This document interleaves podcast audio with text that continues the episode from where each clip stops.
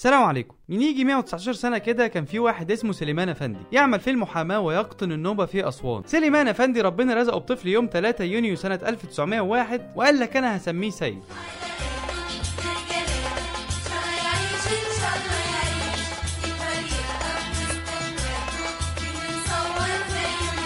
اسمع كلام أمك وما تسمعش كلام أبوك. طب اسمع كلام جدك. لا جدك الله يرحمه. كبر الواد وما سمعش كلام حد فيهم. وكعادة أي طفل في هذه الطبقة من هذه المنطقة. أبوه قرر إن الواد يتعلم فرنساوي وفعلا دخله مدرسة اسمها الفرير. لكن واسفاه أبوه جات له أزمة مادية فاضطر يسيب شغلانته في المحاماة ويشتغل بياع في محلات تجارية لحد ما وصل بيه الأمر لإنه يشتغل في قهوة. شغلانة أبو سيد في القهوة علمت سيد حاجات كتير وكان أهمها التقليد. ولان القهوة بطبعها مكان لأي حد ولكل الناس ده ساعد أبو السيد انه يكون عنده مخزون كتير من الشخصيات والمواقف.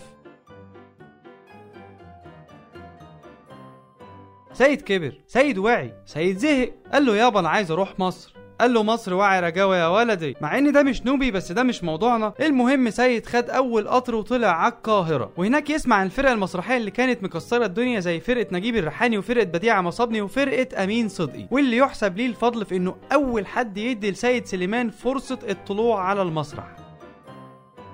سيد فضل يلف على المسارح واحد واحد املا في إنه ياخد فرصته وابتدى يقلد شخصيات من مخزونه لكل مدير مسرح وفرقة لحد ما اقتنع بيه أمين صدقي. قال له بص أنا بصراحة الفرقة عندي complete لكن أنت شاب موهوب وأنا يصعب عليا أقول لك ما عندناش. فأنت هتعمل فواصل صغيرة ما بين فصول المسرحيات. نعمل يا باشا. إيه المشكلة؟ جميلك ده؟ فوق دماغي من فوق.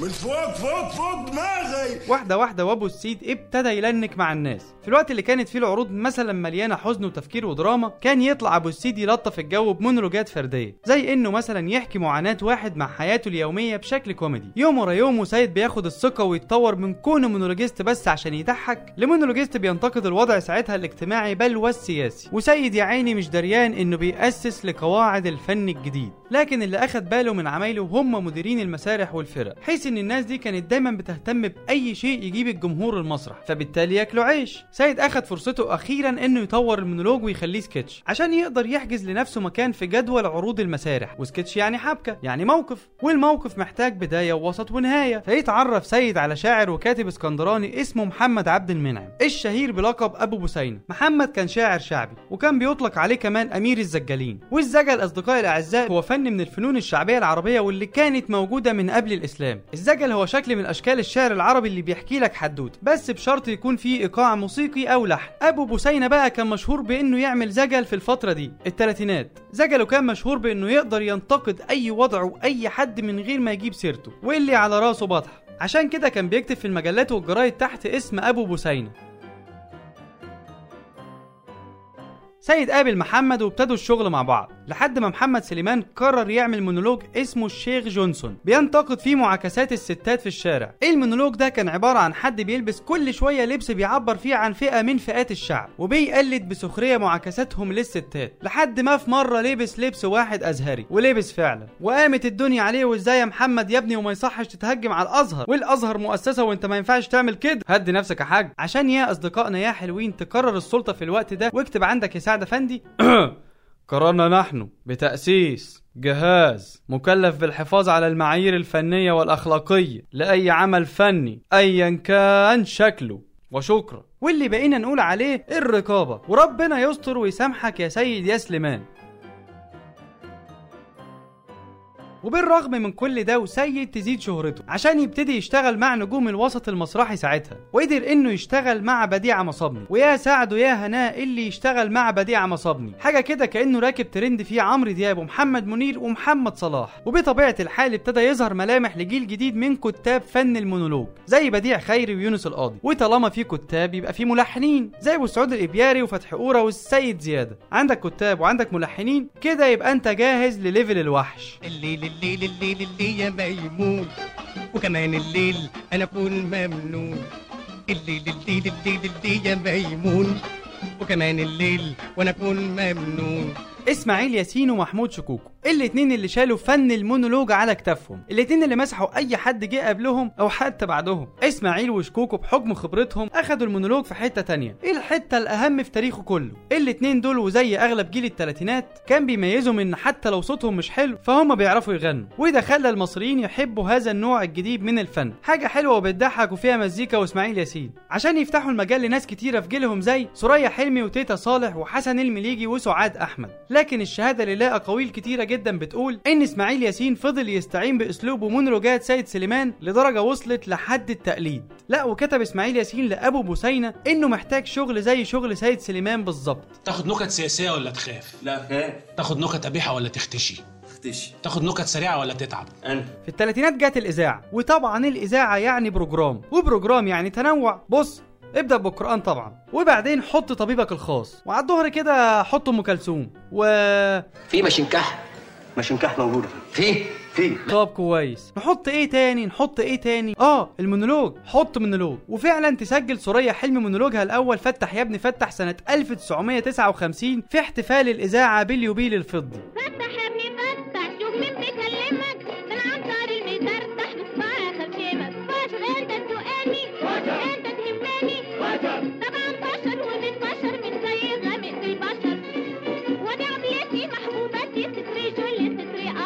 في الأربعينات بدأ فن المونولوج يخرج بره كونه شيء مسموع في الإذاعة ومقتصر على المسرح للشاشة الذهبية. بدأ المنتجين في الوقت ده ينتجوا أفلام قايمة كلها على السكتشات الغنائية والمونولوجات. وكان أبطالها طبعا إسماعيل ياسين وشكوكو وثريا حلمي. طب وسيد سليمان؟ لا سيد فضل يقدم أدوار صغيرة زي أدوار القهواجي السفراجي ومن أشهر الأفلام اللي حطت إسماعيل ياسين مع سيد سليمان في كادر واحد كان فيلم حب من السماء لكن للأسف في السينما كان إسماعيل ياسين بطل وفضل سيد سفراجي.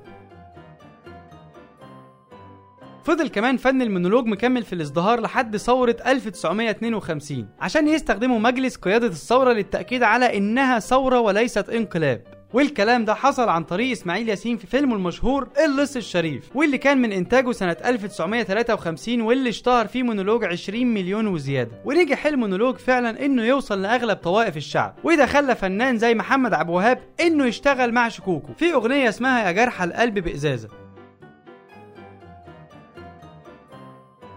وفضل المونولوج يستنزف في كل الأحداث السياسية بعد كده من أول النكسة لحد أكتوبر 73 وغاب ساعتها أهم حاجة بتميز المونولوج وهي الانتقاد بسخرية. ما طبعا. وكعادة أي حاجة حلوة عمرها قصير استمر المونولوج في إنه يروح لحتة تانية خالص غير اللي بدأ بيها. فظهر منير مراد واللي كان بيقدم مونولوجات استعراضية على ألحان بسيطه وطبعا من غير أي انتقادات لحد. لحد ما يظهر ثلاثي أضواء المسرح. سكوت!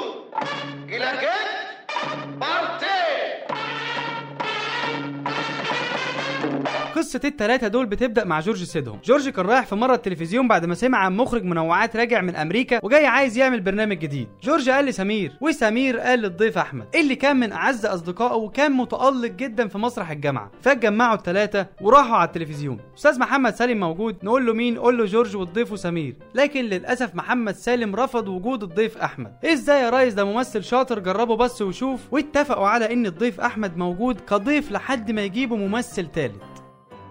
لكن الضيف قدر يبقى صاحب بيت بفضل موهبته وخفة دمه. ومن ساعتها وهم ثلاثي أضواء المسرح. صحيح سكتشاتهم كان فيها انتقاد بس انتقاد للحياة الاجتماعية في شكل كوميدي وبس. ومش هقول لك أكتر من كده لو اتنططت.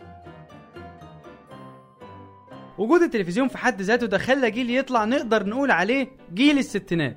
الجيل ده ظهر في حاجة اسمها أضواء المدينة واللي كانت عبارة عن حفلات تقدر تخمن فحواها من اسمها. وأهم أسماء المرحلة دي كان سيد ملاح وأحمد غانم وفكري الجزاوي ونبيل فهمي ولبلبه في بدايتها قبل ما تركز في التمثيل وبس. للأسف الجيل ده ما قدرش يثبت نفسه زي اللي قبله عشان ياخدنا على مرحلة نقدر نسميها عصر الإضمحلال والنهاية. في بداية السبعينات بدأت أسهم المونولوج تنزل من على كوبري النهاية من غير فرامل. للأسف بدأ المونولوجيست يبقى فنان درجة تانية ويتعامل على إنه مهرج. وللأسف كمان بدأ يختفي تدريجيا شعراء وملحنين فن المونولوج. فاختفى المونولوج. عشان يتحول المونولوجيست بعدها لواحد واقف بيرمي نكت في حفلات الثمانينات. وكان من أشهر الأسماء اللي عملت كده حمادة سلطان وحسن قاسم وحسن بيجو. عشان يجي بعدها جيل التسعينات اللي حط آخر مسمار في نعش فن المونولوج. وأشهر الأسماء اللي عملت كده عزب شو وعادل الفار وعصام بركات. وارقد في سلام يا فن المونولوج.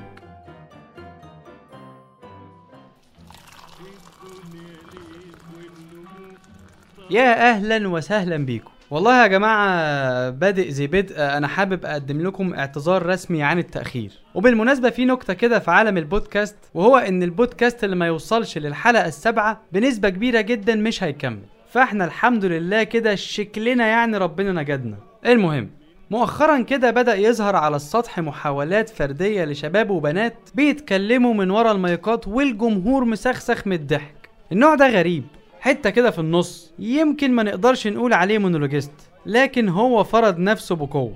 وبقى يتقال عليه stand-up comedy معانا ومعاكو علي قنديل. أه، أستاذ علي منورنا. الله يخليك ده نورك. تشرب إيه يا ريس؟ قهوة سادة بن غامق. آه مش محوج. عقبال القهوة ما تيجي إن شاء الله يعني أه مبدئيا كده ضحكني. ده أسخف طلب في الدنيا. عارف ليه أسخف طلب في الدنيا؟ و- وده جزء مهم جدا من ال- من صناعة الكوميديا. إن الكوميديا أساسا معتمدة بشكل أولي وحتمي كده على عنصر المفاجأة. okay. قبل أي حاجة أنت أنت لو شايف ال joke أو أو متوقع النكتة آه، ممكن تبتسم زهوا إن أنت قاطع عليها. لكن لو أنا قلت لك استنى أما أضحكك لا فكك أنا لو اتشقلبت لو حد قال لي استنى أما أضحكك دي خلاص أنا هو كده محر وشي خلاص ده أيوة. مستحيل أبتسم حتى لأن هو آه، قتل أهم نقطة في الموضوع طيب أنا عايز أرجع لورا حبتين okay. أنا دلوقتي قاعد قدام 400 أزيد من 499 حفلة أو عرض stand-up comedy okay. آه، قاعد قدام خبرة كبيرة جدا بتحاول تديها للناس دلوقتي في صورة ورش آه، بتعلمهم يعني. اولا أنت بدأت إزاي ومنين أو بدأت ليه؟ بدأت ليه؟ ده سؤال مهم قوي سؤال مهم جدا وهبدأ بيه كمان. طيب بدأت ليه؟ بدأت ليه؟ لأن ال stand-up comedy وفر لي حاجة آه، أنا كنت مفتقدها جدا في شغل المسرح. وهي الإتقان والاحترام وسرعة التصرف. okay. وحاجات تانية كتير بس دول أكتر ثلاث حاجات ممكن نتكلم فيهم سريعا يعني. آه، ليه الاحترام والإتقان وسرعة التصرف؟ إن مفيش ممثل هيتأخر بقى على البروفة بتاعتي. مفيش ممثل هيجي مش حافظ. okay. آه، مفيش ممثل هيجي مطبق يوم العرض. مفيش ممثل هيبقى داخل يشقط من الفرقة. okay. فالاحترام ده خلاني بقيت آه، ضامن نقطة الاحترام إن أنا هحترم وقت الناس وفلوسها اللي دفعتها في تذكرة ومشاعرها ال- ال- اللي بتديهاني كحب أو كإعجاب.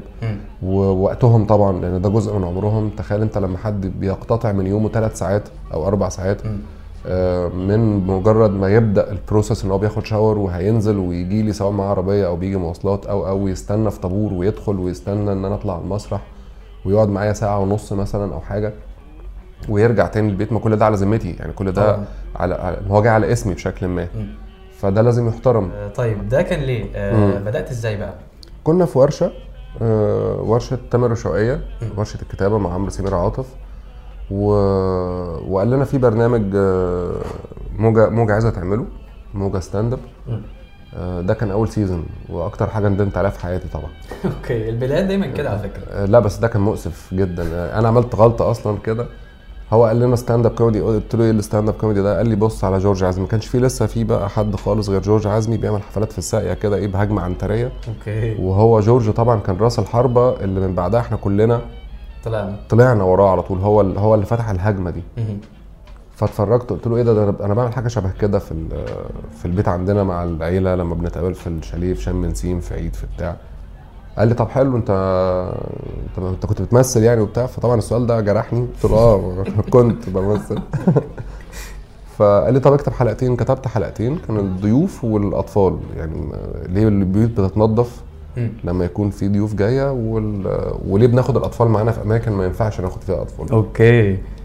ولما قريتهم اتبسط جدا وقال لي أنت معانا بقى إيه آه، مش مش كاتب بس لا أنت هتطلع كمان ت- تشتغل بقى on stage يعني. okay. فجابوا جمهور متأجر وأنا كنت خاطب وقتها ومحتاج فلوس فوافقت. وحلفت بقى بعد كده ما أنا طالع قدام جمهور متأجر تاني. حتى بيجي لي برامج كتير جدا يقولوا لي تعمل حاجة قدام الجمهور وكده أقول لهم لا ما بعملش حاجة قدام جمهور متأجر. أنا okay. أنا أنا بروح عند رجالتي بصراحة يعني بروح لجمهوري وهايس بقى معاهم براحتي بيستروني. فاهم؟ لكن أطلع قدام جمهور متأجر مش هعيد التجربة دي تاني طبعا. أنت غلطان بصراحة. ليه؟ عشان خطبت. okay. ده بديهيات برضه. آه طيب okay. آه قبل جورجي عزمي وقبل علي قنديل آه، وصف لي المشهد كان عامل إزاي في حتة ال stand-up comedy دي مثلا؟ لا مفيش. خالص. لا لا مفيش خالص. في محاولات آه، ما شافتش النور وسمعنا عنها من آه، من أصحابها. أوكي. يعني عزت أبو عوف الله يرحمه لما استضافنا في في في, في البرنامج في مرة. فقال إن هو كان نفسه يعمل التجربة دي. وخالد أبو النجا تمام. كتب مرة على فيسبوك إن هو آه، جرب يعمل الحكاية دي مرة. بس هو الفكرة في إيه بقى؟ وده لحد النهارده على فكرة يا أحمد مش مش مش من فترة طويلة. لحد النهارده في لبس ضخم جدا بين ال comedian وال stand-up comedian. okay. في لبس شاسع يعني في كتير جدا بيطلعوا يقولوا أنا بعمل stand-up comedy. وهو ملوش أي علاقة بال stand-up comedy. هو دمه خفيف مم. وكوميديان ويعرف يعمل one man show كويس. okay.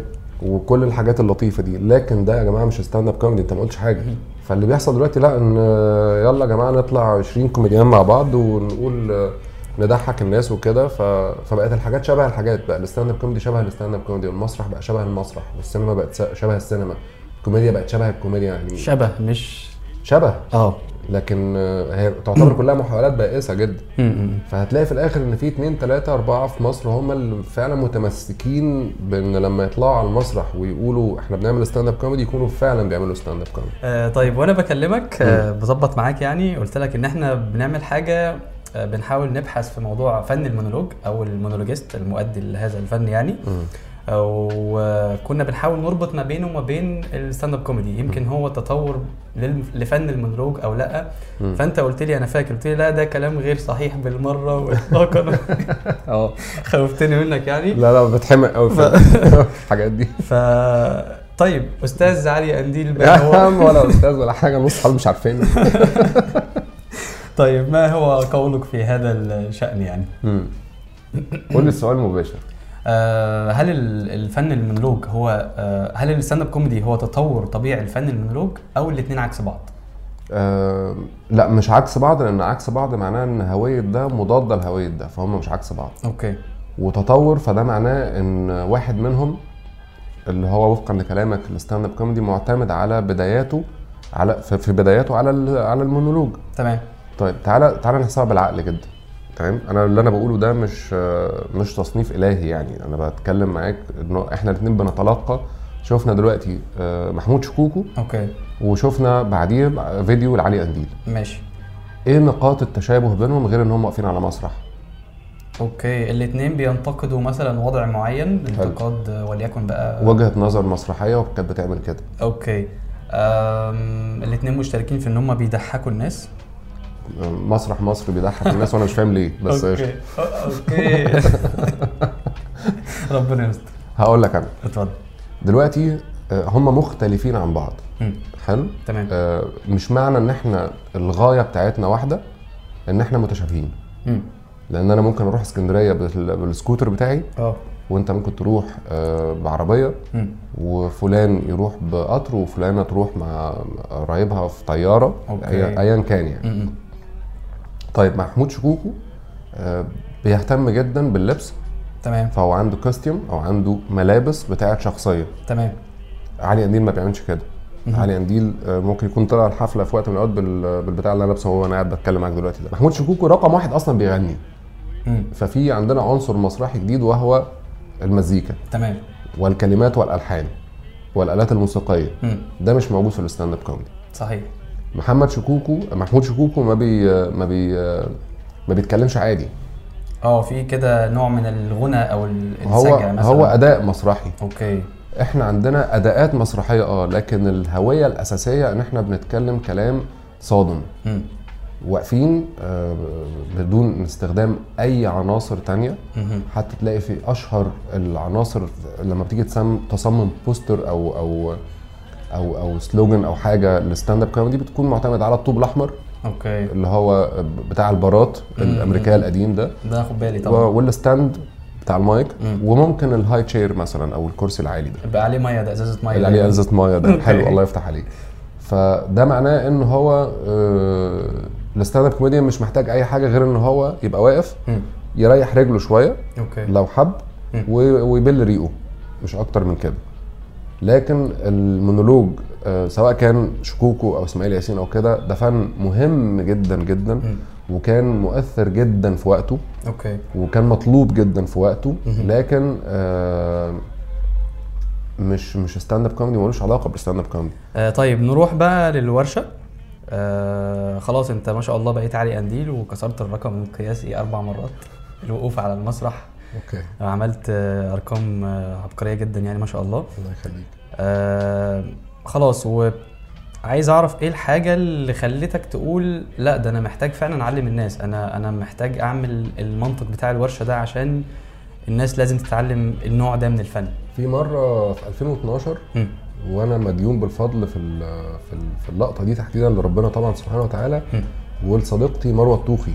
okay. هي اللي قالت لي علي أنت إزاي ما بتعملش ورش؟ كان تمام. لسه موضوع الورش ده جديد ولسه أنا مش فاهم إيه الحكاية ما لسه ما لسه ما اتفهمش قوي. تمام. آه، فعملت أول ورشة. طبعا هي ما كانتش أنجح حاجة. okay. لأن ال content برضو لسه مش مكتمل ولسه التجربة بتاعتي ما خدتش ال ال الشكل ال- الخصب اللي اللي يطلع منه آه، ورشة. okay. فحسيت إن الناس آه، برضو مش فاهمة ال stand-up comedy لأن هي فاكرة إن الموضوع مواقف. نحكي مواقف. لا الموضوع مش إن إحنا نحكي مواقف يا جماعة إن إحنا مش واقفين في الجامعة عند ال... عند الكافيتيريا. في في حاجة. أيوة. أكيد في حاجة مخلينا ده فن فأكيد مش إن إحنا نحكي مواقف. بال... بال... بالبسيط جدا وحتى دي بقولها دايما في الورش يعني. إزاي اختار الموضوع؟ ببساطة جدا يعني. ببساطة شديدة جدا جدا. دي حاجة اتعلمتها من أستاذي عصام السيد تمام. من أهم مخرجين المسرح اللي ظهروا في تاريخ مصر الحقيقة. كنت خدت معاه ورشة نظرية وكان بيتكلم عن المخرج إزاي يختار الموضوع اللي يخرجه. أوكي. في حاجة اسمها هم عام وهم خاص. آه، هم عام إن أنا مثلا عايز أتكلم عن آه، التحرش ده هم عام. تمام. وإن كان مش عام قوي لأن إحنا عندنا الذكور هم المتحرشين فالموضوع مش هاممهم. okay. فاهم قصدي؟ لكن لو عايز أتكلم مثلا عن ارتفاع الأسعار is حاجة آه، كلنا مشتركين فيها مشتركين يعني. فيها متورطين فيها. فده هم عام. لو أنا عايز أقدم الموضوع ده لازم يكون الموضوع ال- الهم العام ده ليا أنا كمخرج لأن برضو ال stand-up comedian هو مخرج. أكيد. مخرج للعرض بتاعه. أكيد طبعا. فلازم يكون موضوع ارتفاع الأسعار ده آه، مضايقني أنا كمان. مم. ما ينفعش يبقى أنا دخلي مثلا في الشهر 100000 دولار ويبقى موضوع ارتفاع الأسعار ده مضايقني. okay. مش منطقي خالص. أيوه طبعا. ف... ف... ف... فلو اتكلمت عن الموضوع ده لازم أوجد له صيغة. تخليه هم عام خاص أو هم خاص عام. okay. لكن لو أنا عايز أتكلم عن حاجة هي أصلا مش هماني. مم. مش هعرف اطلاقا أتكلم عنها بالشكل اللي يلمس اللي قاعد قدامي بيسمع. مهم. لازم وأنا ب... وأنا بحدد الموضوع اللي هتكلم فيه لازم يكون موضوع بيشغلني. إزاي تكتب ال material؟ آه ده سؤال مهم جدا وصعب. آه لسبب. لأن زي ما قلت لك آه في في تفاصيل كده. في التكنيك أو في الطريقة زي الكورة. خلينا خلينا خلينا نشبه ال stand-up comedy بكرة القدم. تمام. آه كرة القدم محتاجة fitness مم. محتاجة سرعة محتاجة عضلات محتاجة ثقافة كروية. مم. فرجة كتير على ماتشات وعلى لعيبة مهمين وبتاع. okay. آه وتمرين طول الوقت علشان الجمل الصعبة أو الحركات الصعبة تكون مهم. بتنزل مع ال order كده بسهولة. okay.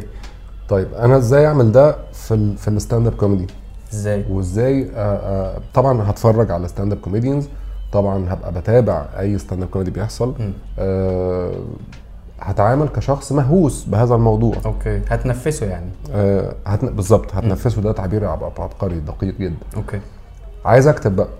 طب أنا هكتب زي ما مين بيتكلم؟ امم أنا ما أنصحش اطلاقا إن أنا أكتب زي ما أي حد بيتكلم okay لكن في معايير أساسية زي إن هم 11 لعيب ل 11 لعيب وإن في بنهجم كده ولو عدت الخط ده تبقى out ولو عدت الخط ده تبقى جون وبتاع. إن ما يكونش في gap كبير أو أو فجوة كبيرة بين النكتة والنكتة okay زي إن يكون في موضوع. فأنا أنصح بشكل مبدئي إن أنا لما أكتب material stand-up comedy ما أكتبوش. كمقال أو ك paragraph. لا أكتبه عبارة عن سطور lines okay. يعني كاني رايح السوبر ماركت وكاتب آه، dash كده أو نقطة آه، هجيب مثلا علب فول dash كده سكر dash مش عارف كذا تحت بعض. okay. فكل جملة تبقى كده. و... و... وأنا على ملف ال Word مثلا لو هكتب على ملف Word أخلي إن ال joke اللي أنا شايف إن هي بتضحك. هعملها بلون أحمر مثلا.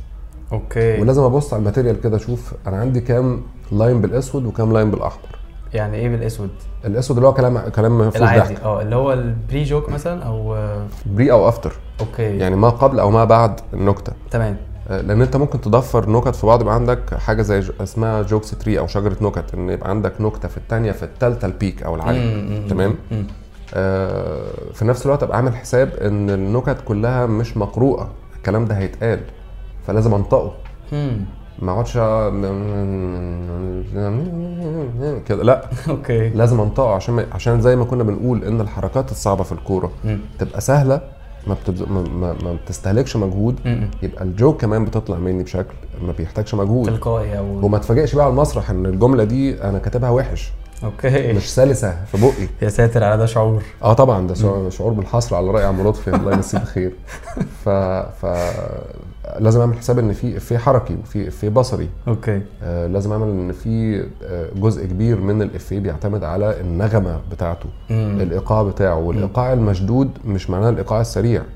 الإيقاع المشدود هو الإيقاع الملائم.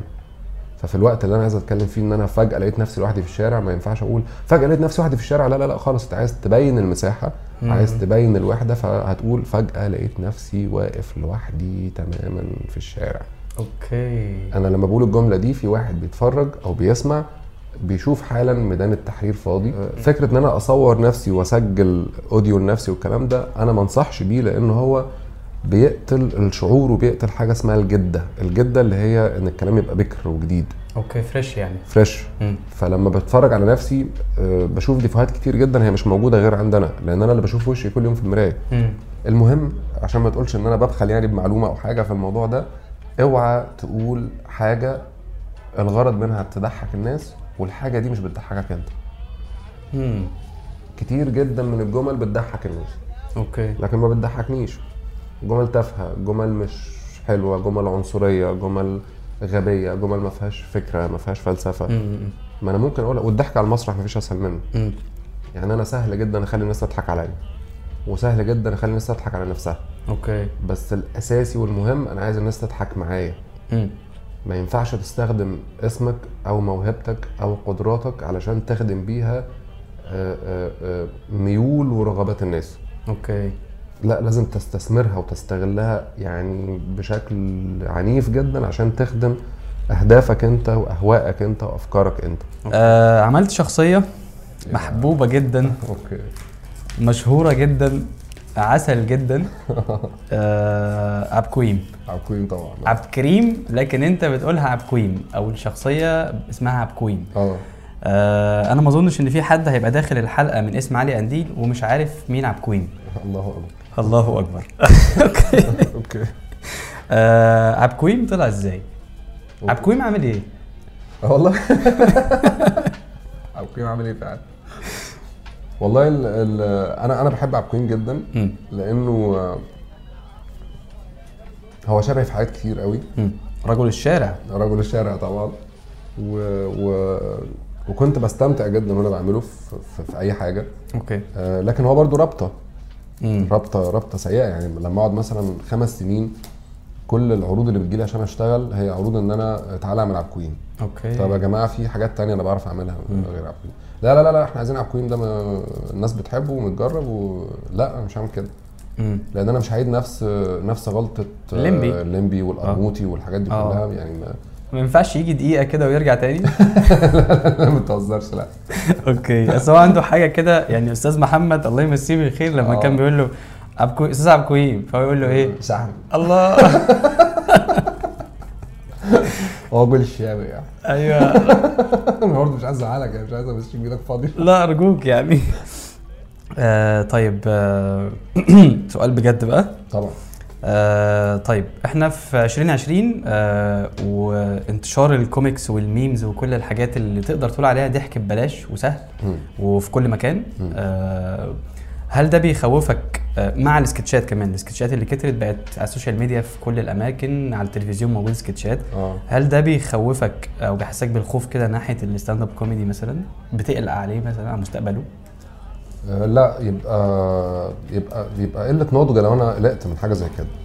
وده وده أصلا مش موجود في 2020 بس. okay. ده مع مع الثورة ظهر. آه، صفحة صاحبي مثلا والكوميكس اللي اتعملت. والحاجات دي كلها. آه، بتقول بشكل واضح إن الكوميديا بدأت تاخد شكل آه، أوسع بكتير جدا وأعمق بكتير جدا. وجديد ومختلف وغني. لأن أصبح فجأة ال comedians مش مرتبطين بفن التمثيل آه مش مرتبطين بفن كتابة السيناريو. مش مش مرتبطين بالكاريكاتير أو بال أو بالإخراج أو بتاع لا لا لا لا أصبح إن أي حد دمه خفيف. وهم كتير جدا عندنا في مصر. لأن إحنا مدمنين ضحك. طيب. 2020 واجهت الوضع إزاي؟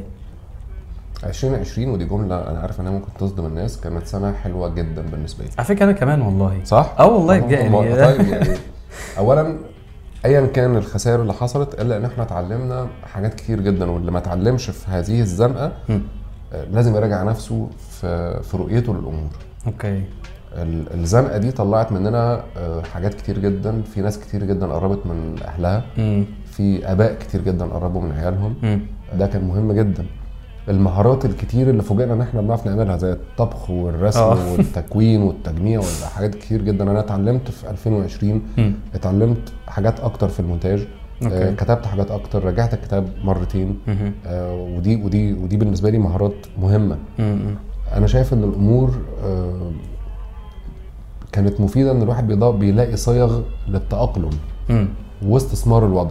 okay. وقد كان. وهتفك الدنيا هتفك وهتحلى وإن شاء الله نهاية العالم تبقى قريبة ونخلص. دايما في أمل يا جماعة. آه طبعا واضح يعني. آه طيب علي قنديل بعد ما يولع سيجارته آه رايح على فين؟ بعد آه ما إن شاء الله الكورونا تخلص يعني أو نتأقلم مع الوضع ونتعايش. علي قنديل عنده إيه في الأجندة بتاعته؟ ولا بلاش أجندة ده عشان لا لا عادي. okay. أنا بقالي فترة كده والله بفكر في قرار كده آه، مهم. هو مبدئيا أنا مستني أخلص المسلسل. okay. آه، أنا مبسوط جدا أصلا بالمسلسل كمان لأن أنا بشتغل مع أستاذ أحمد علاء. وأستاذ أحمد علاء كمخرج آه، رجل دقيق جدا. وبيدي كل لحظة حقها بشكل آه، مطمئن ليا كممثل إن أنا مفيش حاجة هتطلع كده أي كلام. okay. أنا منتظر إن أنا أخلص التصوير ومحتاج أجازة بصراحة. okay. أنا محتاج أجازة شهرين كده ما أفكرش في حاجة. يعني يعني آه شكرا. أروح نويبع أقعد في ال camp آه أفكر بقى في في في في, في اللا شيء يعني أعد الموج. أنا عايز يبقى مسؤوليتي إن أنا أشوف كام موجة جت ال camp النهارده. لكن أنا مش عايز أتكلم في حاجة. أنا بقالي بقالي سنين ما خدتش أجازة وده مجهد جدا عصبيا وذهنيا يعني.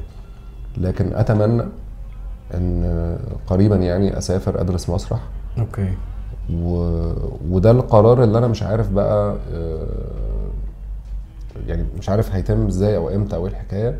لكن أتمنى إن أنا أعمل ده وأتمنى إن أنا أوصل للمرحلة إن لما أي نجم سينمائي يفكر أو يشتاق إن هو يشتغل مسرح آه، أول حد يفكر فيه يبقى علي قنديل.